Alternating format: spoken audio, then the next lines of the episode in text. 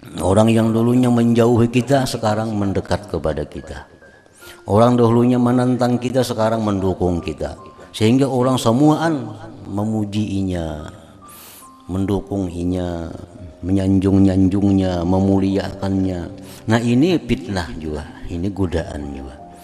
Apabila seorang murid itu terpaku dengan demikian, seorang murid itu senang dengan demikian, maka dia terhentilah jalannya kepada ma'rifat Allah itu sampai di situ. Gak sibuk dengan pujian. Orang-orang berdatangan kepadanya tamu kada berhenti. Akhirnya senang dengan demikian, akhirnya mantap dengan demikian, akhirnya kada sampai kepada yang dituju yaitu ma'rifatullah terhenti di situ. Fa ini betuli tabi iqbalihim wa ta'zimihim wa sanaihim wa taraddudihim alaik.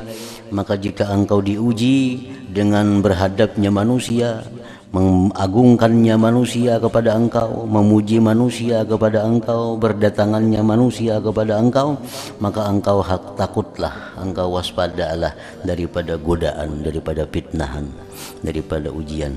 Waskurillah dan engkau bersyukur kepada Allah alladzi satara masawiyaka anhum yang mana Allah itu menutupi keaiban engkau. Makanya Allah membuka keaiban kita.